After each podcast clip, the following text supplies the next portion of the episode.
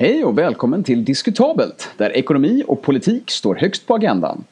Jag heter Johan och i detta avsnitt intervjuas Siri Steyer, ansvarig för arbetsmarknadsfrågor på tankesmedjan Timbro, om föräldraförsäkringen och om statens roll i familjelivet.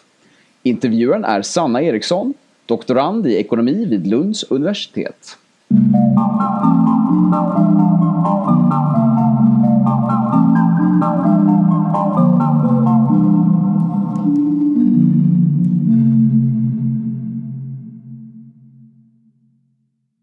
Ska börja med att prata lite om föräldraförsäkringen i Sverige.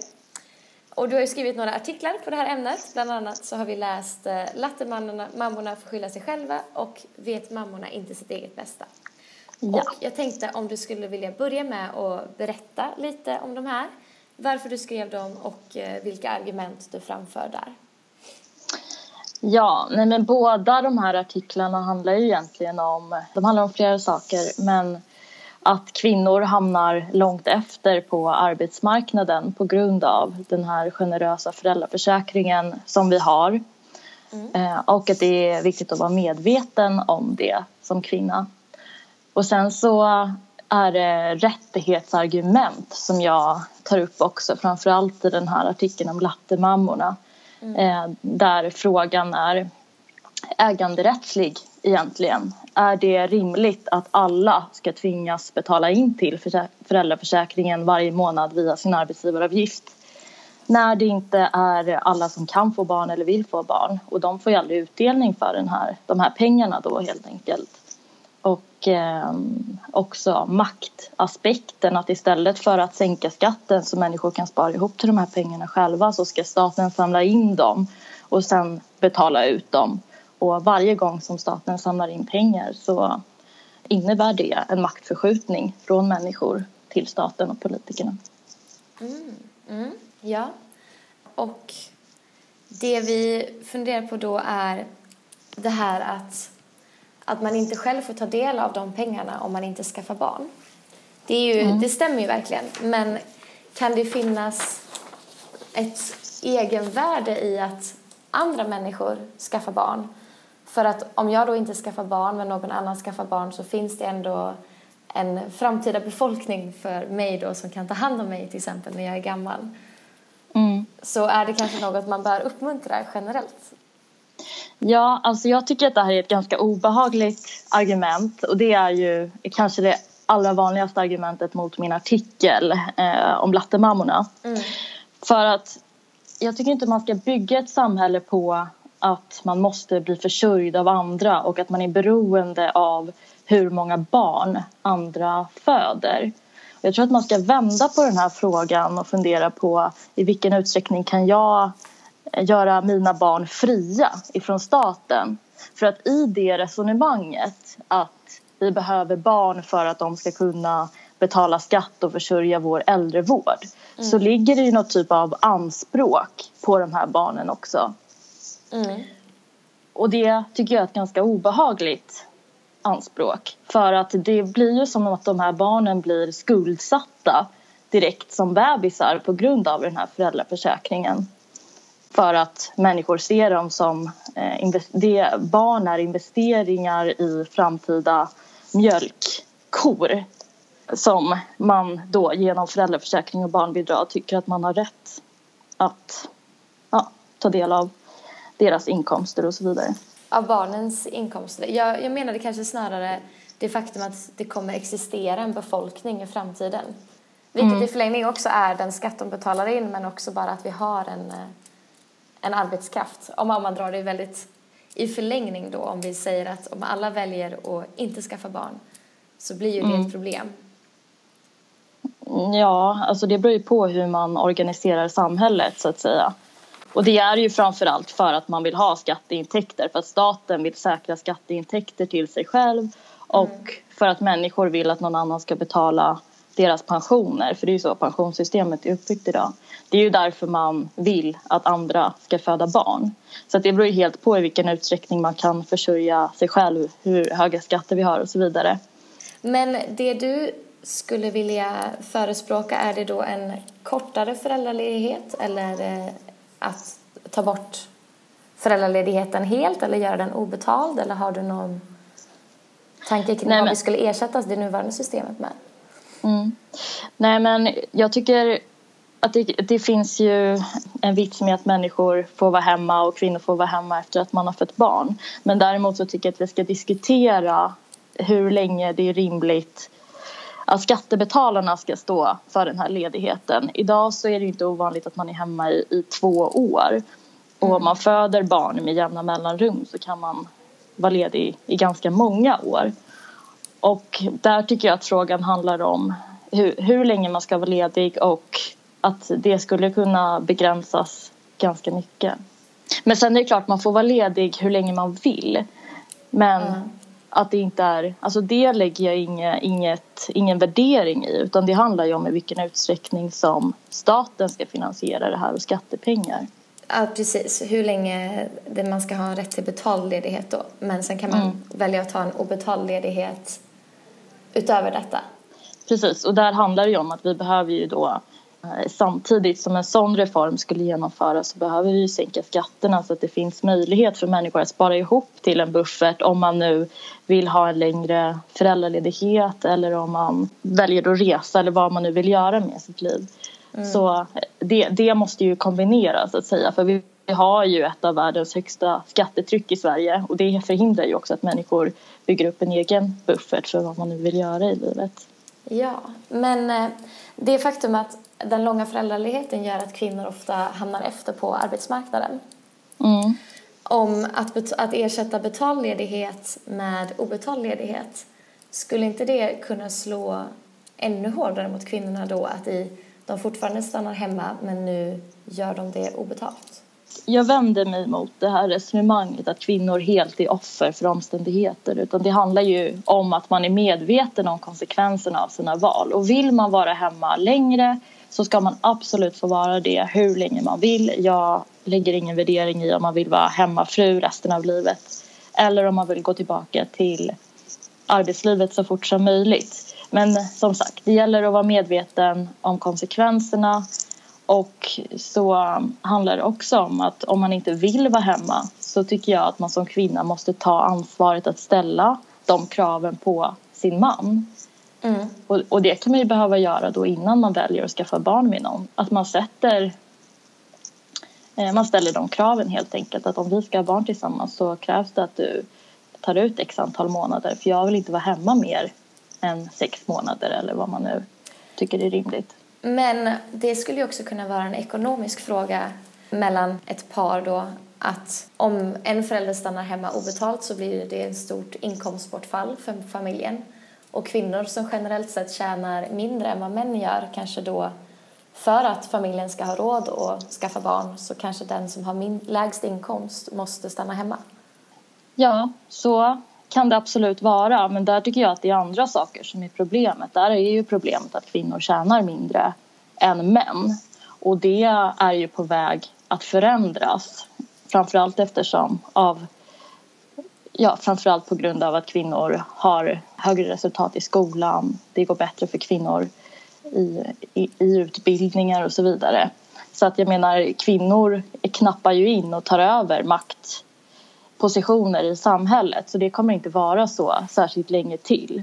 Men det är ju där den förändringen ska till då så att säga, inte genom att göra föräldraförsäkringen till en arbetsmarknadsregulator.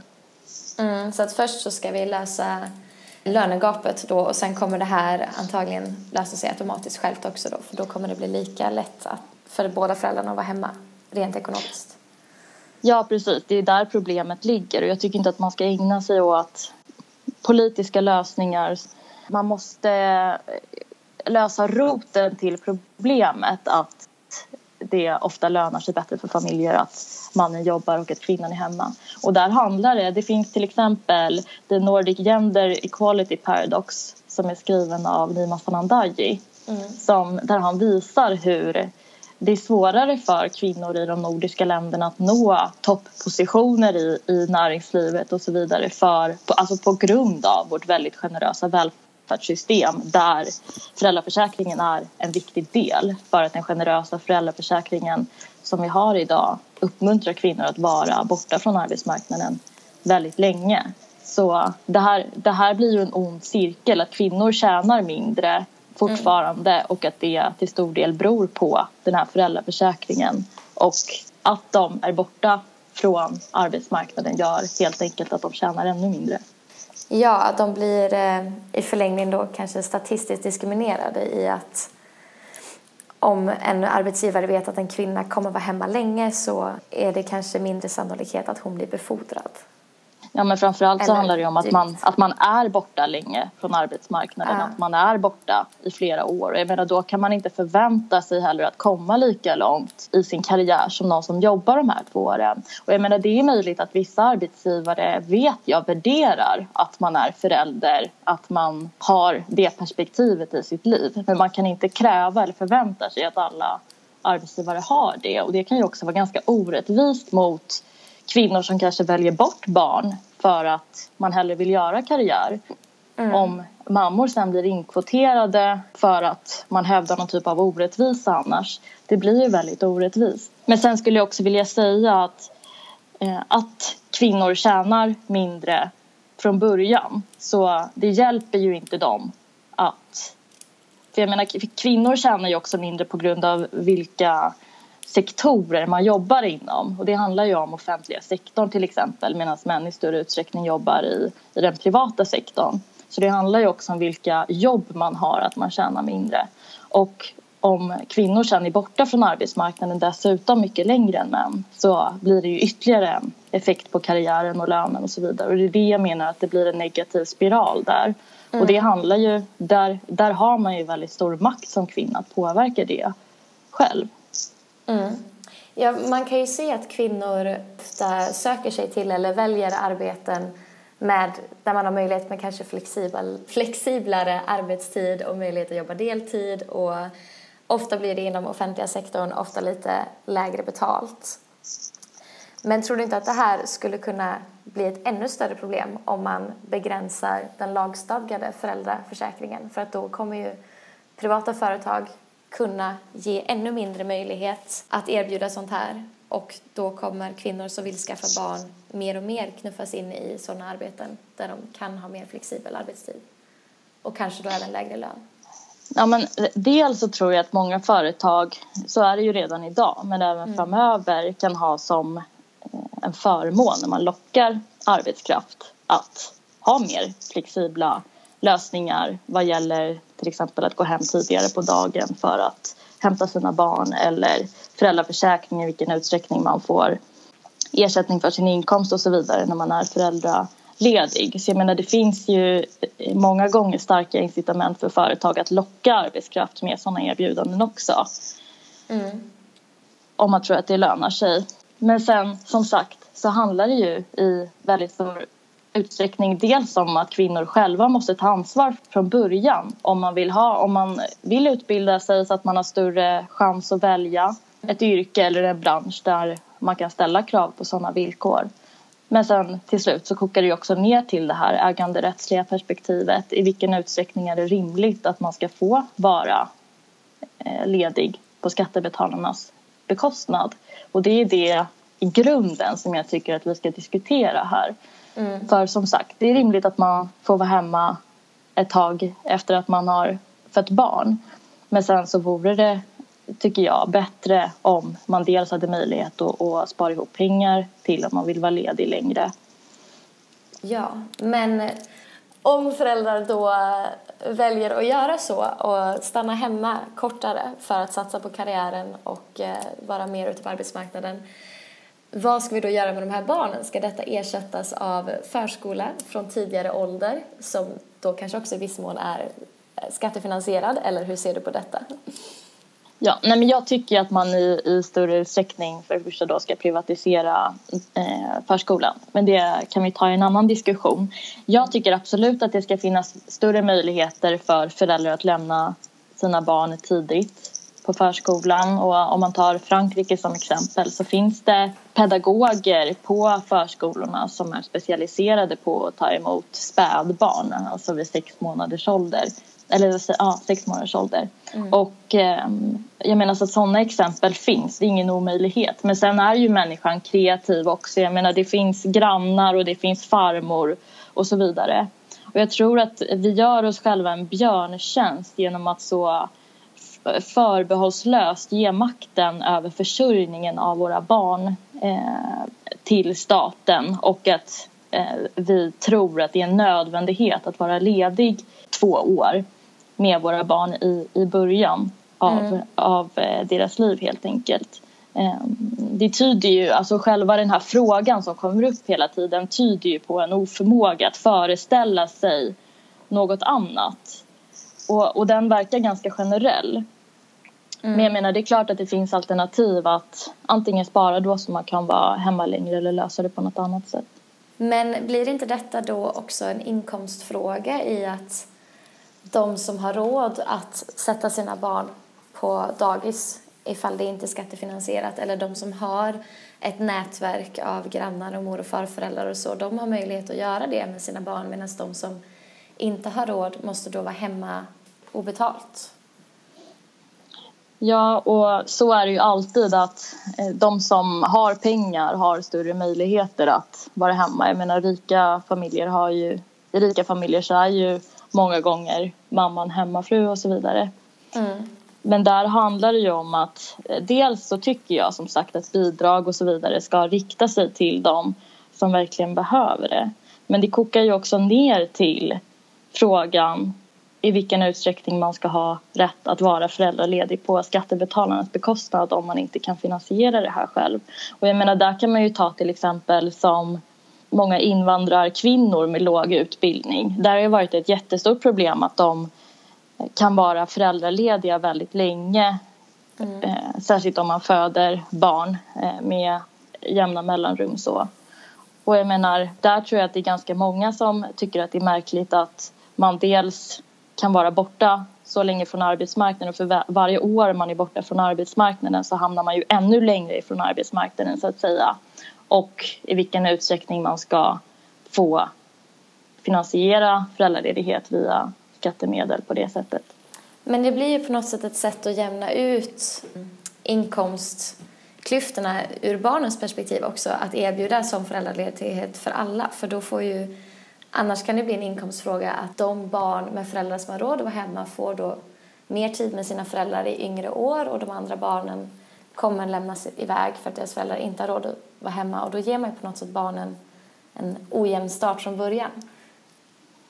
Ja, och det beror ju på hur man ser det. Om man tar de här invandrarkvinnorna med låg utbildning igen då som exempel så är ju de hemma hela tiden med sina barn eftersom de äh, inte har något jobb helt enkelt och dels är eh, bidragsberoende och sen också kan få den här föräldraförsäkringen och så vidare. Mm. Så jag mm. menar, det är ju inte heller någon bra situation för barn att ha det på det sättet.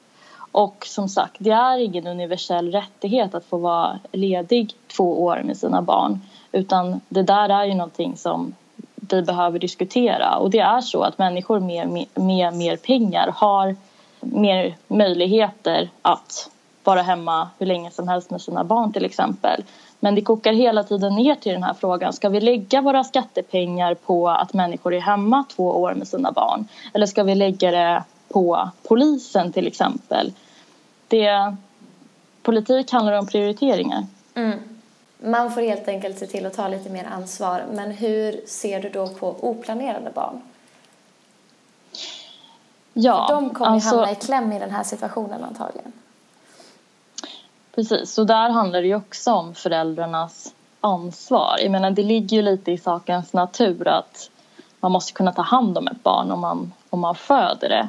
Det kan inte vara så att det blir alla andras ansvar att försörja ditt barn för att du råkar bli gravid eh, mm. när man till exempel inte har råd. Och jag tror att det finns en poäng där med att se sitt eget, sitt eget ansvar. Men sen som sagt så måste vi sänka skatterna så människor får en större möjlighet att spara ihop en buffert för till exempel en sån händelse. Mm. Att folk ska förutse oförutsedda händelser då. Men på något sätt så drabbar det ju de barn som föds till föräldrar som inte haft den här eh, framåtplaneringen. Ja, precis. Framåtplanering. Men jag tror att eh, som sagt så finns det en, en potential... Eh, det finns en viktig poäng i att också se sin, e-, sitt eget ansvar i att man blir gravid när man inte har planerat för det och att man har koll på sin egen ekonomi så att säga. Men sen så säger jag också att det är mycket bättre att skattepengar hjälper de människor som absolut inte har råd att ta hand om sina barn och så vidare. Mm. Så jag menar det ska, det ska finnas en hjälp för, för de här familjerna men då är det också bättre att det är de som får ta del av de här skattepengarna och inte alla. Ja, det leder mig ganska bra in på nästa frågor. Eh, och då, för, det, för saken är då om man har en slags spärr som avgör om man ska få bidrag eller inte när man jobbar, kanske baserat på inkomst. Mm. Finns det då inte en risk att människor anpassar sig till detta och väljer att medvetet jobba mindre för att lägga sig under den inkomstspärren eller inkomstgränsen? Det är alltid en risk med bidrag att människor anpassar sitt Eh, beteende för att få ta del av de här bidragen. Och därför är det alltid bättre med skattesänkningar för att det ska löna sig mer att jobba helt enkelt och försörja sig själv än att ha höga bidrag. Mm. Eh, men sen så är det ju så att många bidrag är ju redan inkomstprövade och man behöver kvalificera sig för dem på olika sätt. Och det är nog få som tycker att alla bidrag, att det här skulle vara en princip, att alla bidrag ska betalas ut till alla för att minska stigmatiseringen som man pratar om. Mm. Eh, och marginaleffekter och så vidare. Om man inte är för någon typ av medborgarlön. Men om vi skulle införa det så är det ju ganska det vore ju ja, ganska det, radi radikala förändringar som skulle Ja, det ligger lite utanför just den här diskussionen. Precis, exakt. Så, så, jag menar när man pratar om andra bidrag så är det för de flesta ganska självklart att man behöver kvalificera sig för dem eftersom det handlar om pengar som någon annan har betalat in helt enkelt. Mm. Men jag menar barnbidraget är väldigt högt och det betalas ut till alla. Till och med kungafamiljen får barnbidrag. Och det är ganska bisarrt. Men jag skulle kunna tänka mig att barnbidraget avskaffas helt och hållet och att man istället fokuserar på andra bidrag som redan finns. Att se till att hjälpa barnfamiljer den vägen helt enkelt. Mm. För jag menar, om jag, om jag får ta ett exempel här Absolut. så tycker jag att det var ganska bra. Det var en mamma som skrev i Expressen för några veckor sedan om hur staten bjuder hennes familj på två utlandsresor varje år eller motsvarande fem nya iPhones. I eh, barnbidrag? Ja, precis i barnbidrag. Och en tvåbarnsfamilj får nästan 30 000 kronor om året i barnbidrag. Och då jämförde hon det här med två utlandsresor eller fem nya iPhones. Och jag menar hon tyckte själv att det här var konstigt och ifrågasatte varför man inte istället satsar de här pengarna på föräldrar och familjer som verkligen behöver det eller på till exempel polisen. Och man skulle ju också då kunna sänka skatten med så mycket som människor som sagt får göra själva vad de vill med de här pengarna, även de som inte får barn. Mm. Men finns det inte då en risk att om man gör det baserat så att man bara ger eh, barnrelaterade bidrag till de som behöver det. Det kan ju finnas en risk att det blir ännu mer av en bidragsfälla då för att de som får de här bidragen tar de här bidragen och stannar hemma längre och hamnar efter på arbetsmarknaden vilket gör att de måste skaffa ännu fler barn för att fortsätta bidragen för att fortsätta klara sig. Skulle det kunna bli en risk? Ja, men det är ju framförallt problemet om föräldraförsäkringen och barnbidraget är för generösa. Så det måste ju hela tiden löna sig att arbeta, som sagt. Det handlar ju om att bidragen inte ska vara så höga att man tycker att det är bättre att leva på andras pengar än att försörja sig själv. Men om man kanske har svårt att få ett jobb för att man hamnat efter på arbetsmarknaden? Precis, så där handlar det ju dels om att vi måste göra det enklare eh, att få ett jobb på arbetsmarknaden även för de här med låg utbildning och så vidare. Men det är också en eh, lite annan diskussion. Ja.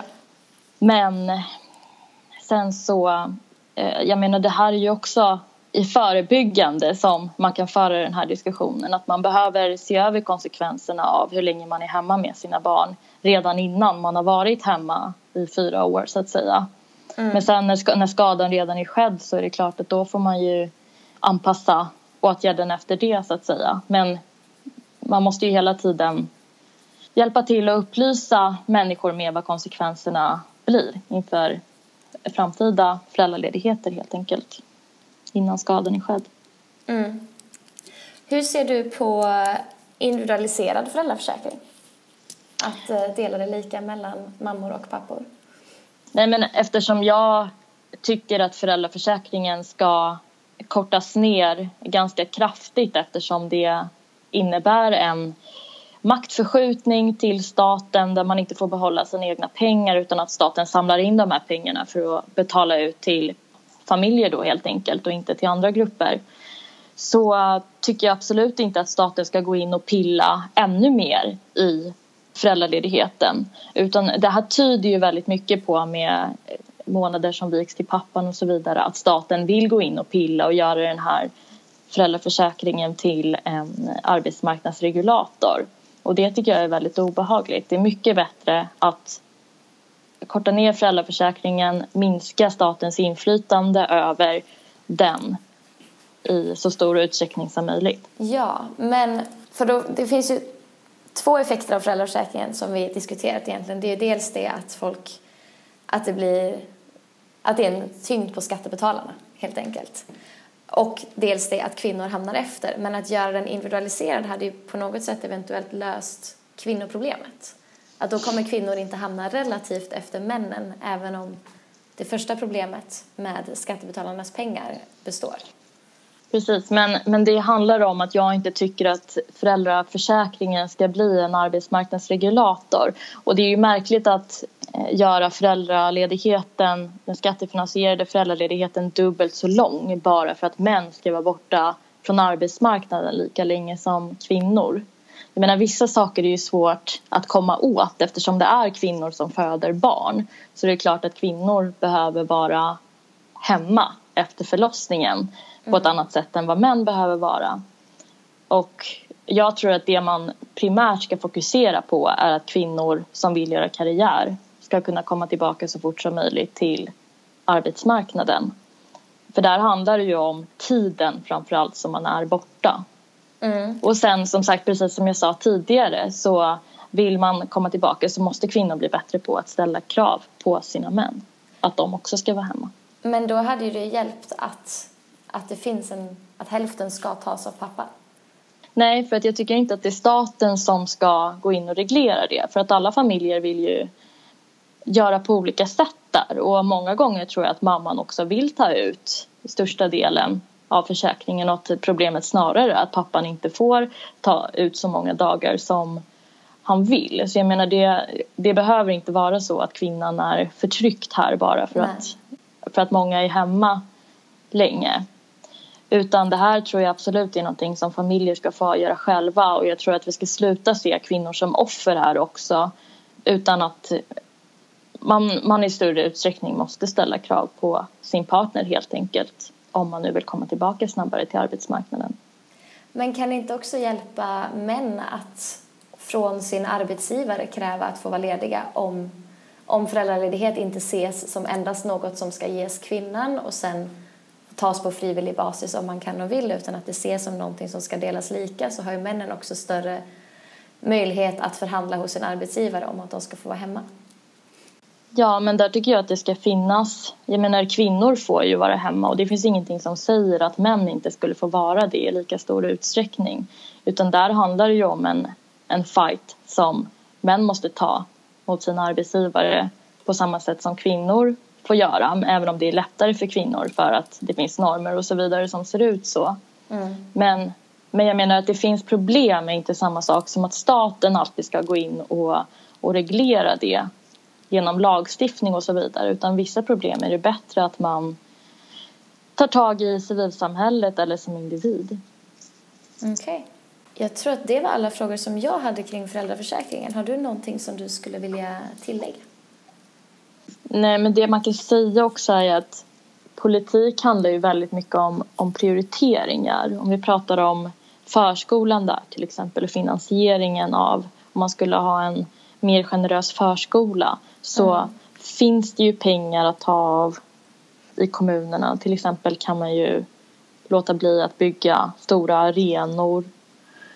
Man kan ta bort maxtaxan som gör en subvention till föräldrarna för att ha sina barn i, i eh, förskolor och så vidare. Så jag tror att man behöver fundera också lite på vad det är man, man prioriterar och inte bara alltid skrika efter mer pengar.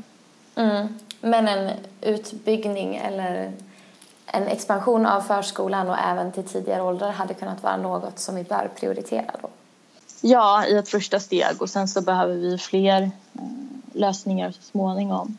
Nej, men man ska också komma ihåg att produktiva personer som är borta från arbetsmarknaden länge ju också, om man ska se det här utifrån ett kollektivistiskt perspektiv så är det ju också väldigt dyrt mm. för staten och, och ja, eftersom man inte arbetar och betalar skatt helt enkelt och den parametern glömmer man oftast bort i den här diskussionen.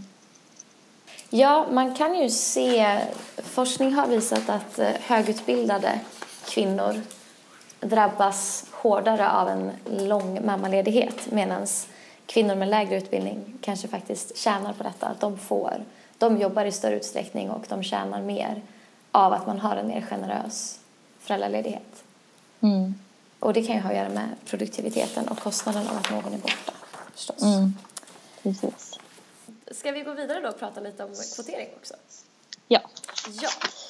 Och då har vi, du har också skrivit en del om kvotering. Vi har bland annat läst två artiklar. En som heter Kvotering är alltid diskriminering och en som heter Äganderätten är viktigare än könskvoterna. Och jag tänkte även där om du skulle vilja berätta lite mer om varför du skrivit dem och om dina argument i de här artiklarna. Ja, och det handlar ju dels om det äganderättsliga perspektivet att företag, privata företag måste alltid ha rätt att bestämma över vilka som rekryteras och vilka som jobbar i den egna verksamheten. Det är ett väldigt obehagligt ingrepp i äganderätten att tvinga företag att kvotera in en grupp människor bara på grund av kön. Sen handlar det också om den diskriminerande faktor det innebär för män att trots att de kanske är eh, mer meriterade för ett jobb eh, kvoteras bort då för att någon annan har ett visst kön. Och det kanske allra mest allvarliga handlar ju om att man inte står lika inför lagen på grund av sitt kön. Det är ju en ganska grundläggande princip att alla människor i ett samhälle ska vara lika inför lagen och framförallt inte att det ska avgöras av yttre egenskaper som man inte kan påverka. Och det tredje handlar om att det finns väldigt obehagliga trender och tendenser i samhället att prata om identitetspolitik. Och det krokar i det här också eftersom där görs man till representant för en hudfärg, etnicitet, sexuell läggning och så vidare. Och där finns också, jag menar öppnar man för könskvotering på arbetsmarknaden mm. eh, lagstadgad könskvotering på arbetsmarknaden så öppnar man för identitetspolitik. Och det finns eh, förslag från till exempel Miljöpartiet att prosvenska kvinnor ska kvoteras in till exempel. Och jag menar om man får olika privilegier i lagstiftningen beroende på vilken hudfärg man har, vilken etnicitet man har, vilken sexuell läggning man har och så vidare så är det en väldigt obehaglig utveckling. Det har mm. inte kommit någonting bra av sånt om man ser, ser historiskt. Men det här med att vara lika inför lagen. Om det existerar diskriminering mot kvinnor eller mot andra grupper då ses de ju inte som lika inte inför lagen kanske, men inför företaget, då har de inte samma chanser på grund av egenskaper som de inte kan påverka, till exempel sitt kön. Är det i det fallet okej okay med kvotering med argumentet att en diskriminering slår ut en annan? Nej, eftersom absolut förekommer diskriminering i samhället. Det är inget snack om det. Mm. Men där tror jag också, om jag får tillägga det, att det sker diskriminering även av vita medelålders män just på grund av de här äh, identitetspolitiska strömningarna som finns och att företag i större utsträckning kanske tycker att en kvinna är bättre att anställa just på grund av hennes kön för att det eh, finns ett värdefullt signalvärde i, det, i, i samhället idag. Men det ska ju vara fritt fram såklart för företag att, att göra den värderingen. Men som sagt, det, det är jätteviktigt att det finns organisationer som jobbar mot diskriminering, att det sprids information och så vidare om det här. Mm. Men problemet, problemet är när lagstiftaren går in och ger olika grupper olika förutsättningar i lagen. Utan det här är ju någonting, alltså att stå lika inför lagen, det mm. är ju det är ju grundläggande för att man sen i civilsamhället ska kunna jobba mot diskriminering och så vidare. Så, så problemet är inte att man inte ska jobba mot det utan att det inte ska lagstadgas om det? Precis, så som sagt, jag är helt mm. övertygad om att det sker diskriminering på grund av etnicitet och namn och kön och så vidare. Men det är absolut ingenting som kan regleras genom att diskriminera andra grupper genom lagstiftning. För jag menar om man, om man lagstiftar om kvotering av kvinnor till exempel då blir ju per automatik alla män diskriminerade. Mm. Men slår inte det ut den tidigare diskrimineringen? Nej, men det finns andra, andra saker som man ignorerar i den här debatten som inte beror på diskriminering utan att kvinnor till exempel inte har nått höga styrelseposter och så vidare i samma utsträckning som män handlar också om att det inte har funnits ett lika stort underlag av kvinnor som av män. Vi har gått igenom historisk eh, examensstatistik på Timbro som visar att kvinnor har relativt lätt att ta sig till stora Eh, börsstyrelser med hänsyn till deras utbildningsbakgrund. Och andelen kvinnor i bolagsstyrelser idag motsvarar exempelvis antalet kvinnor som tog examen på 1980-talet. Så sådana såna saker måste man också ta hänsyn till i diskussionen och fundera över. Kan det finnas andra orsaker till att det ser ut som det gör? Annars hamnar man fel och till och med så fel att lagstiftaren går in och, och funderar på att lagstifta om kvotering till exempel.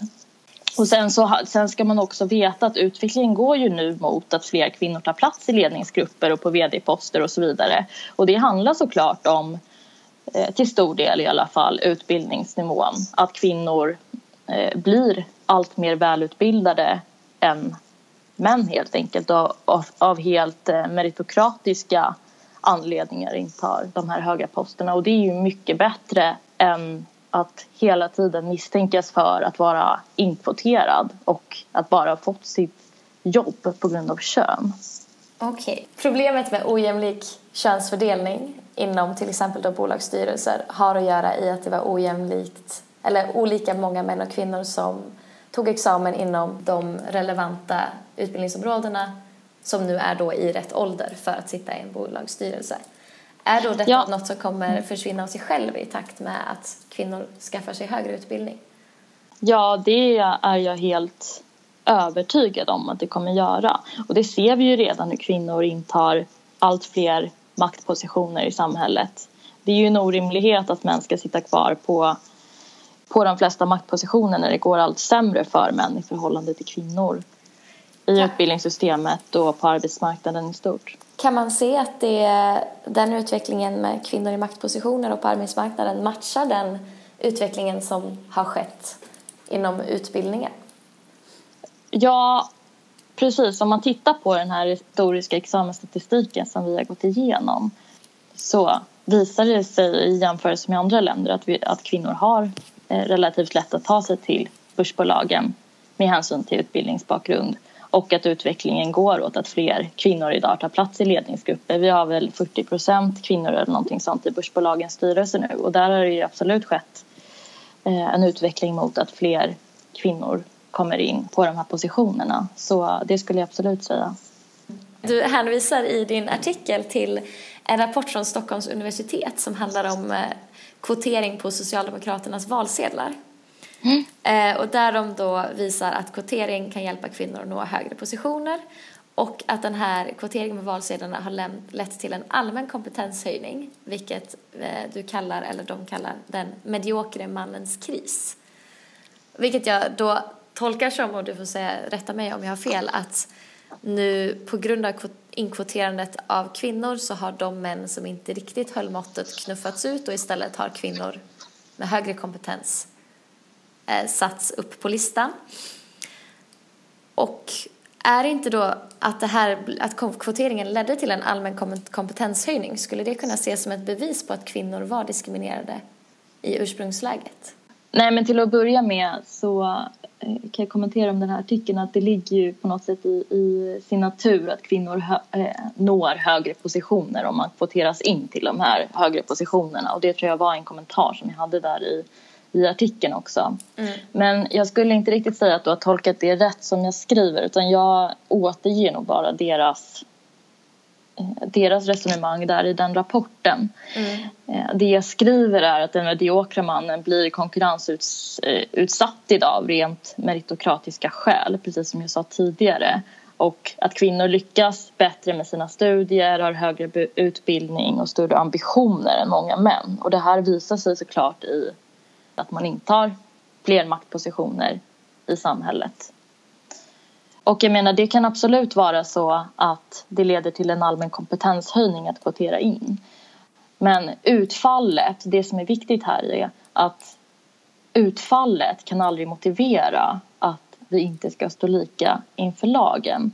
Jag menar social ingenjörskonst kanske kan uppnå vissa resultat på kort sikt men ofta har det visat sig att på lång sikt så blir det inte bra och att man på grund av kön, etnisk här, härkomst, hudfärg och så vidare ska behandlas på ett särskilt sätt i lagen just på grund av de egenskaperna har aldrig visat sig fungera särskilt bra.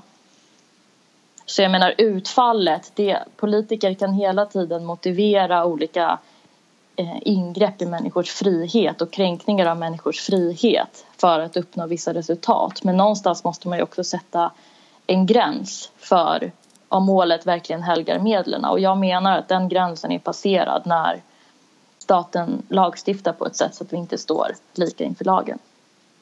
Ja, så även om kvinnor är diskriminerade så är det inte en lösning är inte att lagstifta emot det då? Även om Nej. resultatet skulle vara till exempel en allmän kompetenshöjning? Absolut inte eftersom det skulle innebära att eh, vi på så sätt diskriminerar män i lagstiftningen. Men med det sagt, absolut, jag tror att det sker en viss diskriminering mot kvinnor och andra grupper i samhället. Men det är mycket bättre att vi låter den utveckling som sker nu fortsätta där kvinnor på grund att de är, av att de är mer kompetenta i många fall intar maktpositioner och därmed slipper också misstänkliggöras för att man har blivit inkvoterad bara på grund av, av sitt kön. För det tycker jag personligen vore enormt kränkande. Men kommer de få den chansen eh, om det existerar diskriminering? Även om man skaffar sig kompetensen och men kommer man få möjligheten att ta sig in till de här positionerna? Ja men absolut och vi ser ju redan hur den utvecklingen sker i allt snabbare takt. Så jag menar allting pekar på att kvinnor kommer sitta på flest maktpositioner om ett antal år. Så jag menar det finns, ingen, det finns inget behov av att Även om det skulle vara rätt, vilket det inte är. Men det finns inget behov av att kliva in med lagstiftning här heller. Nej. För det kommer lösa sig av sig själv med tiden då kanske. Absolut. Och som sagt, jag menar det är inte särskilt länge sedan som det var relativt ovanligt att kvinnor utbildade sig eh, akademiskt och så vidare. Så det är inte konstigt att det inte har givit mer mer effekter så att säga i, i styrelser och så vidare förrän nu. Okej. Okay. Den sista frågan jag har skrivit upp och det känns som att vi kanske redan har disk äh, diskuterat det här. Men det är, du skriver att företags främsta syfte är att tjäna pengar och de har därför alla incitament att anställa för dem rätt person. Men om vi då antar att företaget maximerar sin vinst genom att diskriminera är detta fortfarande okej okay, eller ser du något problematiskt i det? Absolut ser jag väldigt stora problem med att företag diskriminerar människor på grund av egenskaper som man inte kan påverka. Men samtidigt så tycker jag att man ska vara väldigt restriktiv med olika typer av diskrimineringslagstiftning också. Eftersom dels så måste det, vi måste värna äganderätten och det måste i, i slutändan vara företaget som får välja vem man vill anställa till den egna verksamheten. Och sen så är det också väldigt svårt att bevisa att ett val i en rekryteringsprocess till exempel har gjorts på grund av diskriminering och inte på grund av någonting annat. Mm. Och när det finns så stora risker att hamna fel så är det viktigt att fundera på hur man utformar en sån här lagstiftning. Men sen så tror jag också att det allra viktigaste är att bilda opinion mot diskriminering i civilsamhället, att ha organisationer som jobbar eh, mot det här för att sprida information och så vidare. Och vi måste eh, som sagt se till att vi står lika inför lagen och att inte de här identitetspolitiska rörelserna som gärna skulle se olika typer av kvotering av grupper beroende på inte bara kön utan hudfärg och så vidare. Att de inte får genomslag hos politikerna så det lagstiftas om olika regler för olika grupper. Det är också en viktig del av det här. Mm. Men det kan finnas, eller det ska finnas, ändå arbete mot diskriminering men inte på lagstadgad nivå då? Absolut ska diskriminering motverkas eh, överallt i samhället men det jag säger är att man ska vara väldigt försiktig även med diskrimineringslagstiftning eftersom det finns krafter i samhället som vill missbruka det medvetet eller omedvetet på samma sätt som exempelvis kvotering, eh, lagstiftning om kvotering. Så vi behöver vara väldigt försiktiga med att försöka styra vem företag anställer även den vägen. Och istället hoppas på att det löser sig av sig själv på något sätt? Nej, men jag tror att det är viktigt att inte likställa samhället och staten utan vi har ett väldigt starkt civilsamhälle i Sverige och jag tror på människors förmåga att opinionsbilda mot diskriminering och så vidare i första hand. Och jag tror att det är där som den riktiga kraften finns, inte i vad politiker stiftar för olika lagar. Ja, tack så mycket Siri för att du ville medverka i den här podcasten. Tack så mycket.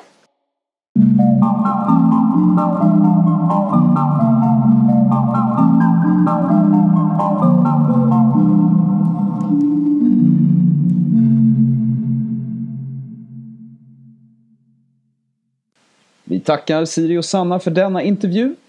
I nästa avsnitt hör vi Jesper Roine tala om ojämlikhet och social mobilitet. Hur mäter man bäst skillnader i samhället och har folk verkligen möjlighet att förbättra sina liv? Lyssna på nästa avsnitt och döm själv.